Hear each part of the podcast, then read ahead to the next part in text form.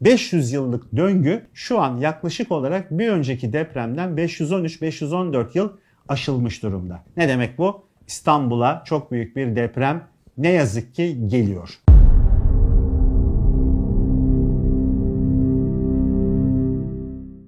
Arkadaşlar merhaba. Bugün sizlerle İstanbul tarihinde gelmiş geçmiş en büyük facia, en büyük doğal afet olarak kabul edilen 10 Eylül 1509 Büyük İstanbul depremini konuşacağız. Bu öyle büyük bir afet, öyle büyük bir deprem ki toplamda 50 bin kişi olduğu tahmin edilen şehir nüfusundan 13 bin kişinin ölmesi.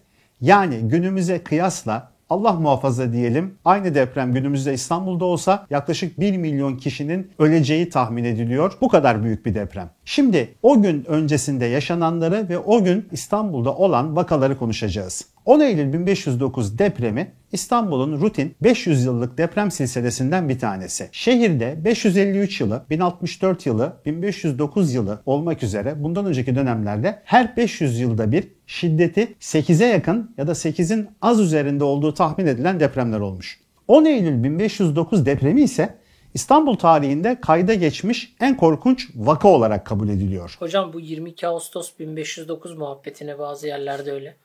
Abi bu bir deprem silsilesi. 45 gün sürmüş. 10 Eylül 1509 günü darbeyi vurmuş. Öncesi olmuş sonra artçısı olmuş. Tam tarih Osmanlı kayıtlarına 10 Eylül baktım ben ona. Ve 10 Eylül 1509 günü tarihçilerin aldığı kayıtlara göre akşam saat 22.02'de merkez üssü Kınalı Adanın hemen açıklarında olan bir deprem yaklaşık 2 dakika sürmüş ve bu deprem aslında yaklaşık olarak bir 10 Eylül'den bir ay kadar önce başlayan bir deprem fırtınasıyla 10 Eylül 1509 günü zirveyi yapıp devamında da yaklaşık 45 gün süren artçılarla İstanbul'u hallaç pamuğu gibi dağıtmış. Dünyanın her tarafında pek çok deprem vakası var. Ama burada anlatılan olaylar ve burada kaydedilen olaylar pek diğer deprem vakalarına benzemiyor. Nasıl mı? Mesela İstanbul tarihinde bu depremden önce hiçbir zaman tsunami görmemiş. Tsunami'nin ne olduğunu bilmiyor. Ama düşünün ki Marmara Denizi'nde gerçekleşen bu depremle beraber oluşan tsunami dalgası günümüzdeki Beyazıt Meydanı'nın bulunduğu alana kadar çıkmış. Dalgaların yüksekliğinin 12-13 metreyi bulduğu söyleniyor. Ve bu deprem öyle şiddetli bir deprem ki şehirdeki 109 caminin tamamını yıkmış. O zaman yeni teşekkül etmeye başlamış Topkapı Sarayı'nı yıkmış. Beyazıt'taki eski sarayı yıkmış. Ve düşünün ki günümüzde Beyoğlu'nda İstiklal Caddesi'nin bulunduğu alan o zamanlar henüz daha Galata surlarının dışında bağlık bahçelik bir yer. Bir İstiklal Caddesi'nin bulunduğu alanda ve ona benzer bir şekilde şu an günümüzde Beyazıt o Çemberli Taş tarafındaki alanda toprak ortadan ikiye yırtılıp içinden kum fışkırmış. Yani toprak öyle bir yarılmış ki artık dipten hangi katmandan geldiği bilinmeyen kumlar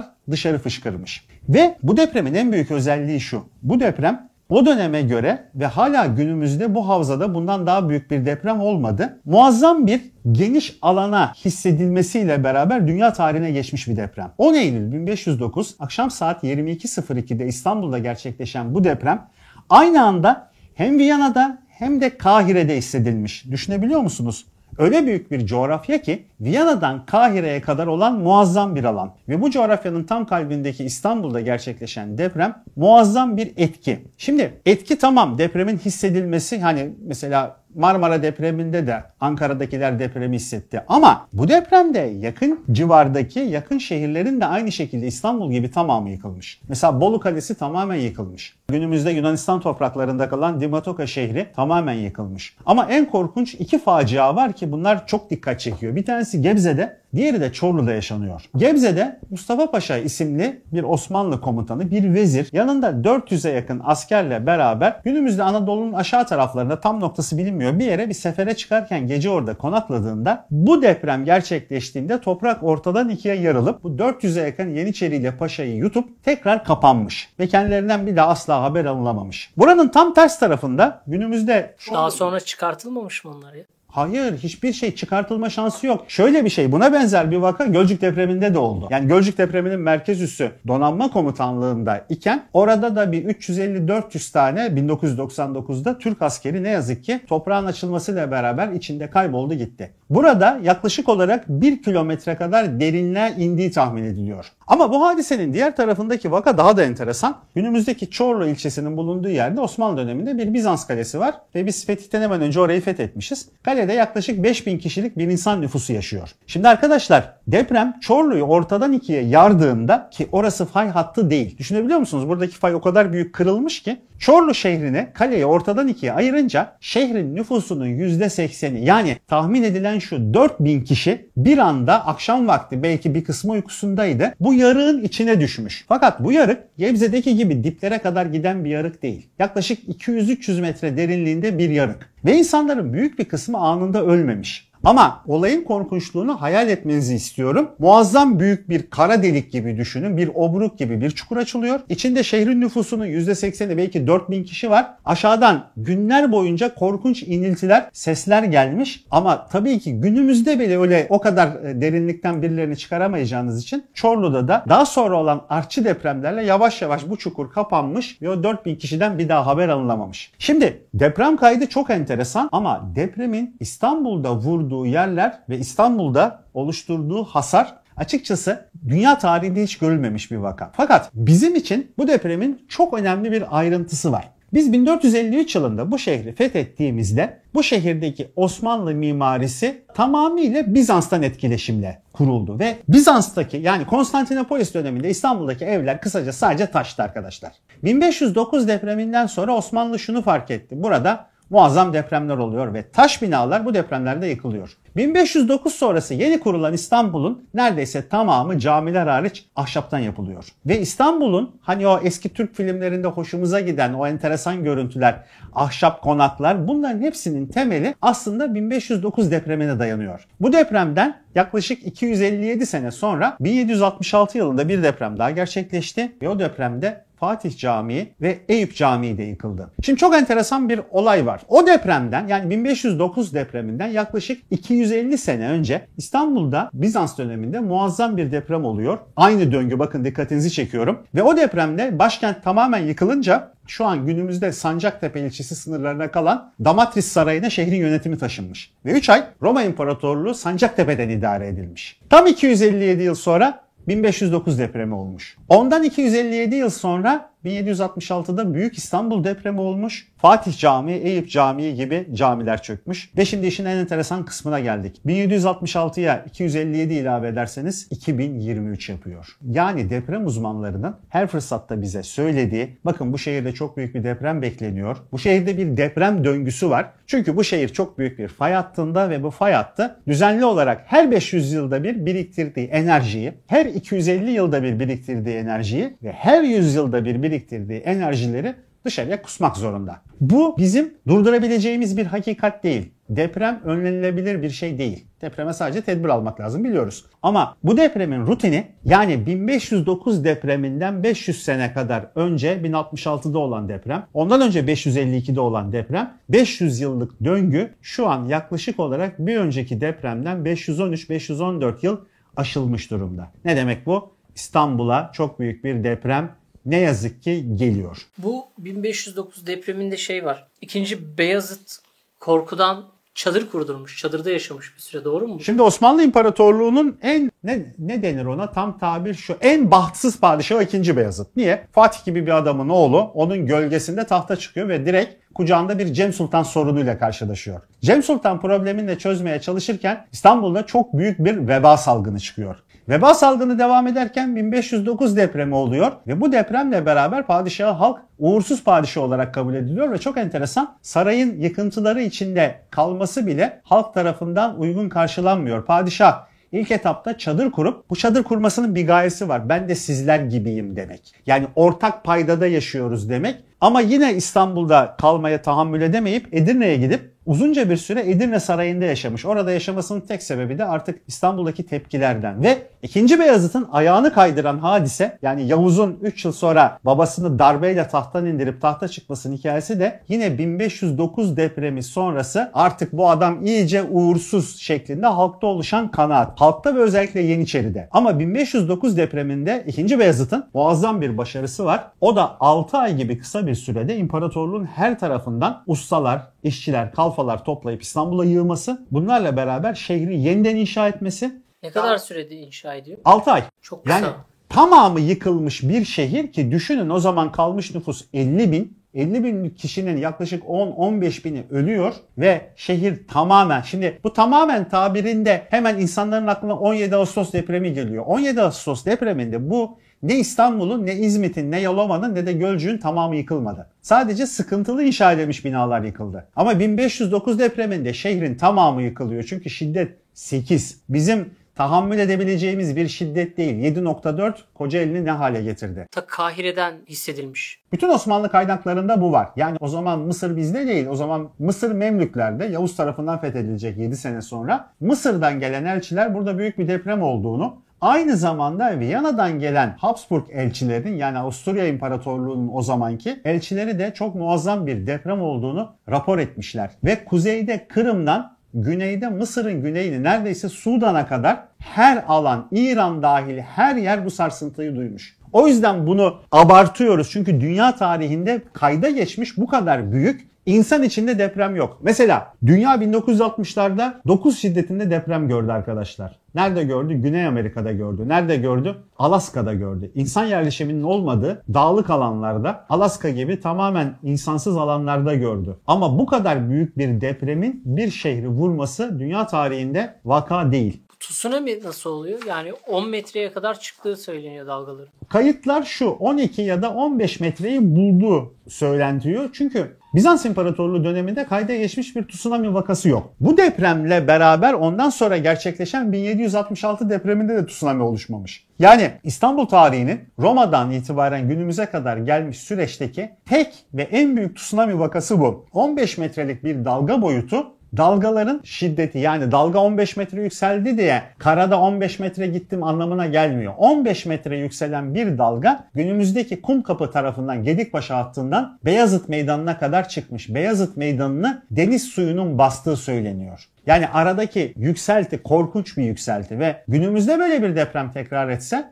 hani çok basit Zeytinburnu tarafından örnek vereyim. Cevizli Bağ'a kadar suyun çıktığını düşünün. Bu kadar büyük bir deprem ne yazık ki Allah korusun diyelim eğer İstanbul'da olsa İstanbul'u tamamıyla yok edecek seviyede maalesef ki. Küçük kıyamet denmesinin sebebi de bu yıkımın büyüklüğü galiba. Özel bir sebebi var mı? Şimdi şöyle bir şey. Bizim bir tane kıyametimiz var. Dünyanın sonu malum. Şimdi bu büyük kıyamet Kur'an-ı Kerim'deki ayetlerde falan nasıl geçer? İşte önce büyük bir gürültü olur. O gürültüden sonra dünyada taş taş üzerine kalmaz ve bütün her şey yıkılır. Buna küçük kıyamet denmesinin sebebi bir mikro kıyamet yaşanması. O kutsal kitaplarda İncil'de, Tevrat'ta ya da Kur'an'da tasvir edilen kıyamet olayının bir mikro ölçekteki benzeri 1509'da İstanbul'da gerçekleşmiş. Ve o kadar şiddetli deprem ki insanlar kıyamet kopuyor diye dışarılara çıkıp dışarılarda ağlayıp sızlayarak dua etmeye başlamışlar. Çünkü her şey yıkılmış. Aklınıza gelebilecek her şey. Şehirde yıkılmamış hiçbir bina, hiçbir yapı kalmamış. O yüzden bu depreme küçük kıyamet diye adlandırılıyor.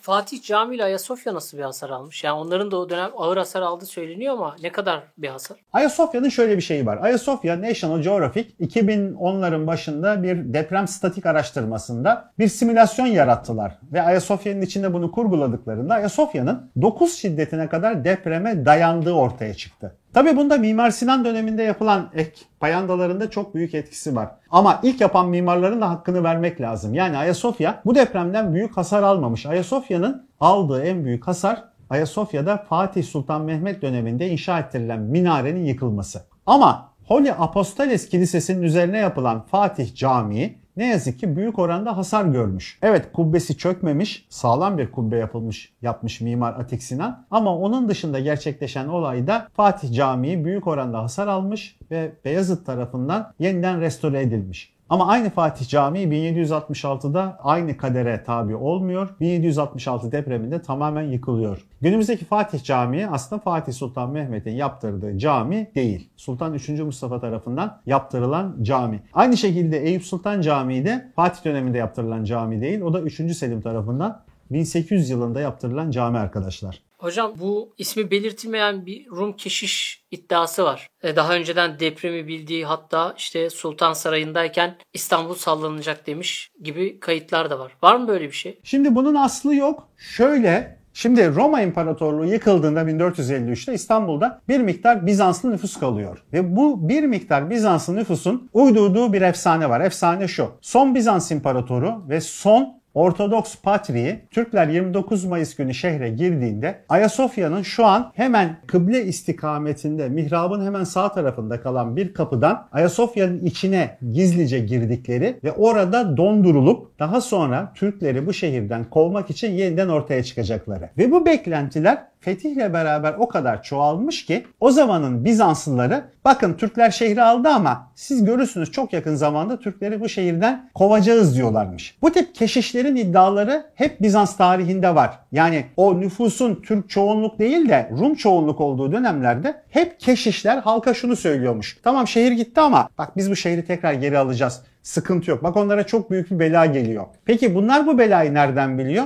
Çünkü Bizans ve Bizans İmparatorluğu döneminde muazzam tarih kaydı var. Yani şehirde olan bütün depremleri adamlar biliyor. Ve rutin olarak deprem olduğunu da biliyor. Aslında beklenti şu. Bir deprem olacak ya elbet. O depremde de İstanbul yıkılır. Biz de bu Türkleri kovarız. İmparatorla Patrik de Ayasofya'nın içindeki saklandığı yerden çıkıp Roma İmparatorluğu kaldığı yerden devam ettirir. Yani beklenti bu. O yüzden keşişin ki mantıklı bir tahmin aslında. Bir kehanet değil. Adam biliyor deprem olacağını neticede. Padişah Edirne'ye gittikten sonra da orada da deprem oluyor değil mi?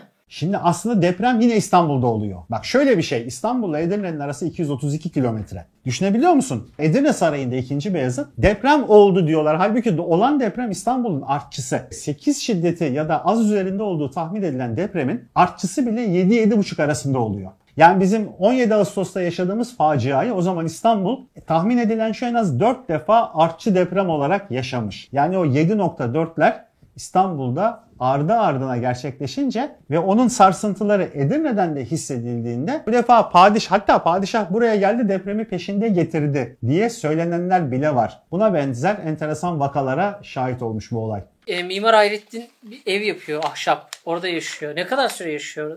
Yaklaşık olarak 3 ay Edirne'de durup ondan sonra İstanbul'da yapılan imar faaliyetlerini denetlemek için geriye gelmiş 2. Beyazıt. Küçük bir evmiş değil mi o? Evin yeri tam olarak bilinmiyor ama Eski Saray civarlarında olduğu yani Fatih'in doğduğu Selimiye Camii'nin günümüzdeki Selimiye Camii'nin olduğu yerin hemen arka taraflarında olduğu tahmin edilen ufak bir evin içinde yaşamış. Aslında bu bir prototip ev. Bu prototip evin benzeri de aynı dönemde İstanbul yeniden imar edilirken o zamana kadar olan bütün taş binaların, bütün kalıntıları ortadan kaldırılarak şehir tamamen ahşap bir şekilde kuzey ormanları kesilerek yeniden kurulmuş. Ve ondan sonra da artık bu şehrin kaderi depremden daha ziyade yok olma kaderi yangınlara dönmüş. Yani ahşap evlerin kolay yanması patlıcan yangınlarını ortaya çıkarmış ve patlıcan yangınlarıyla şehir her 100 yılda bir rutin olarak yanmış gitmiş. Çoğu o kadar şehir büyük şehir inşa ediyorlar ya tekrar. Ya koskoca İstanbul'da evet. ve civar şehirler de var. Sadece İstanbul'da değil. E nasıl para getiriyorlar? Yeter. Çünkü Osmanlı Fatih Sultan Mehmet'in yaptığı fetihlerle beraber arkadaşlar o dönemde muazzam bir ekonomik güce sahip. Yani Sultan II. Beyazıt dönemindeki devletin gelirleri şu an günümüzde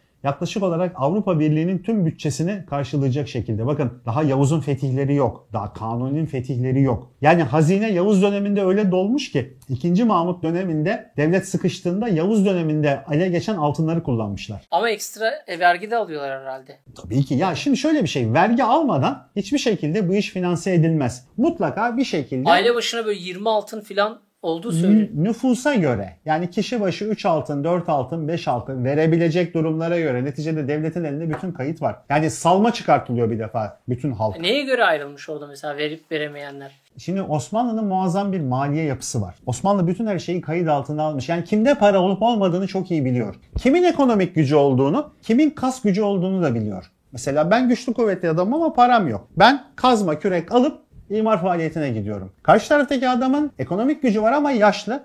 Ondan da nüfusa göre 20 altın 30 altın vergi alınmış. Yani geri kalan nüfus yaklaşık olarak 30-35 bin. Ve 30-35 binden kişi başı 20 altın alınsa 70 bin 700 bin altın yapıyor değil mi? Tabii 700 bin altın yapıyor. Muazzam bir rakam. Yani vergi oranıyla beraber hem bu ama vergiden daha çok Osmanlı kaynaklarında şu var. Öz kaynaklarla yapılmış. Ne kadar sürede yapılmış dedin hocam? 6 ay. 65 gün gibi kayıtlar var doğru mu? 65 günde hiçbir şehir yeniden yapılmaz. Restorasyon dediğimiz süreç aslında bu dönemde var ama restorasyonun mantığı bina bazlı gidiyor. Yani 6 aylık süreç aslında şehrin tamamının imarı. Ama adam bir tane mahalle mescidi yıkılmış. Onu iki, onu iki ayda tamamlarsınız. Taş stoğunuz varsa onu iki ayda tamamlamak mümkün. E, şehri herhalde ihya ettiler. Yani 60-65 Tabii. günde bir yaşanılabilir hale getirdiler. Tabii şimdi bakın şehrin şimdi şöyle bir görüntü çizelim izleyici için. 1509 yılındaki İstanbul neresiydi? 1509 yılındaki İstanbul günümüzdeki sur, sur dışı tamamen yok. Sur içinde de Aksaray'dan ötesi yok. Yani Aksaray'la Topkapı arası sağ tarafta Fatih, sol tarafta e, Yedikule'ye giden hat dışında ortadaki günümüzde Vatan Caddesi'nin geçtiği yerler büyük bir boşluk alanı. Şehir sadece merkezde zaten Topkapı Sarayı var. Diğer tarafta çarşılar var. Kapalı çarşı Bizans'tan beri çarşı. Yerleşim yerleri Can Kurtaran, Can Kurtaran'dan Samatya'ya kadar olan sahil hattı. Yukarıda da Beyazıt, Kapalı Çarşı, Fatih bu hatlar. Yani yerleşim alanı aslında o kadar da büyük değil. Yani günümüzle kıyasla yapılan inşaatın büyüklüğü o kadar fazla değil. Dolayısıyla 60 günde biten bina da olmuş olabilir ama resmi kayıtlara geçen 6 ay sürenin içinde şehrin tamamen imarının bittiği ve şehrin sıfırlandığı. O dönem böyle e, farklı yasaklar da getiriliyor. Yani deprem sonrası ilk defa hani böyle bir şey hissedilince, yaşanınca Değil mi? Yani mesela dolgu zeminler üzerine yapı yapılmaması, ahşap olma zorunluluğu. Ya bu mecburiyet haline dönüşüyor değil Şimdi mi? ilk deprem yönetmeliği aslında 1509 depremi sonrası çıkıyor. Yani 1509 depremiyle beraber Osmanlı idarecileri büyük bir ders çıkarıyorlar. Bu şehir çok kırılgan ve hemen bu şehrin eski kayıtlarına bakılıyor. Bizans'tan gelen kayıtlara bakılıyor ve bu depremin bir rutin olduğu biliniyor. Osmanlı depreme çok teşne değil. Osmanlı'nın kurulduğu coğrafya o zaman biliyorsunuz Bitinya bölgesinde kuruluyor. Bursa ilk başkent Edirne. Bu hatlarda çok sık deprem yok. Depremle ilgili en büyük yumruğu 1509'da İstanbul'daymış Osmanlı. Ve bunu gördükten sonra devlet geleneği demiş ki bu işte bir sıkıntı var.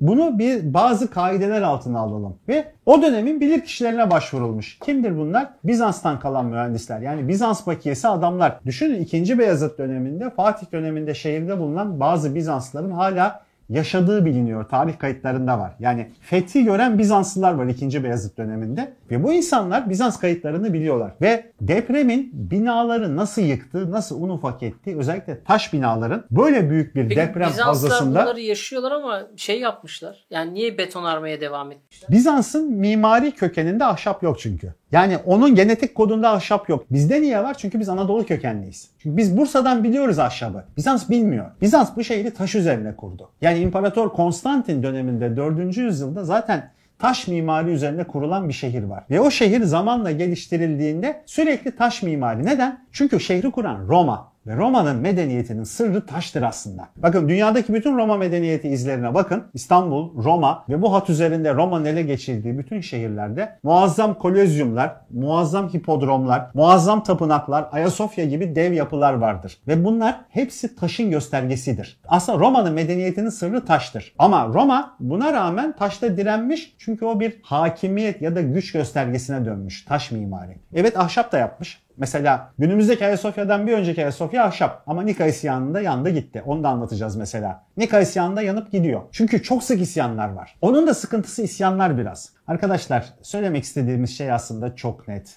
Bir deprem gerçeği var. Kabul etsek de etmesek de kafamızı deve kuşu gibi kuma gömsek de bu şehirde büyük bir deprem olacak. Bizim yapacağımız tek şey şu an bireysel olarak dua etmek. Rabbim bunu inşallah geciktirir. Ama şunu fark ediyoruz ki tarih bir ilim ve tarihte tarihler net. Her rutin 250 yılda bir, 100 yılda bir ve 500 yılda bir bu şehirde depremler olmuş ve ne yazık ki ister kabul edin ister etmeyin tekrar olacak. Görüşmek üzere arkadaşlar.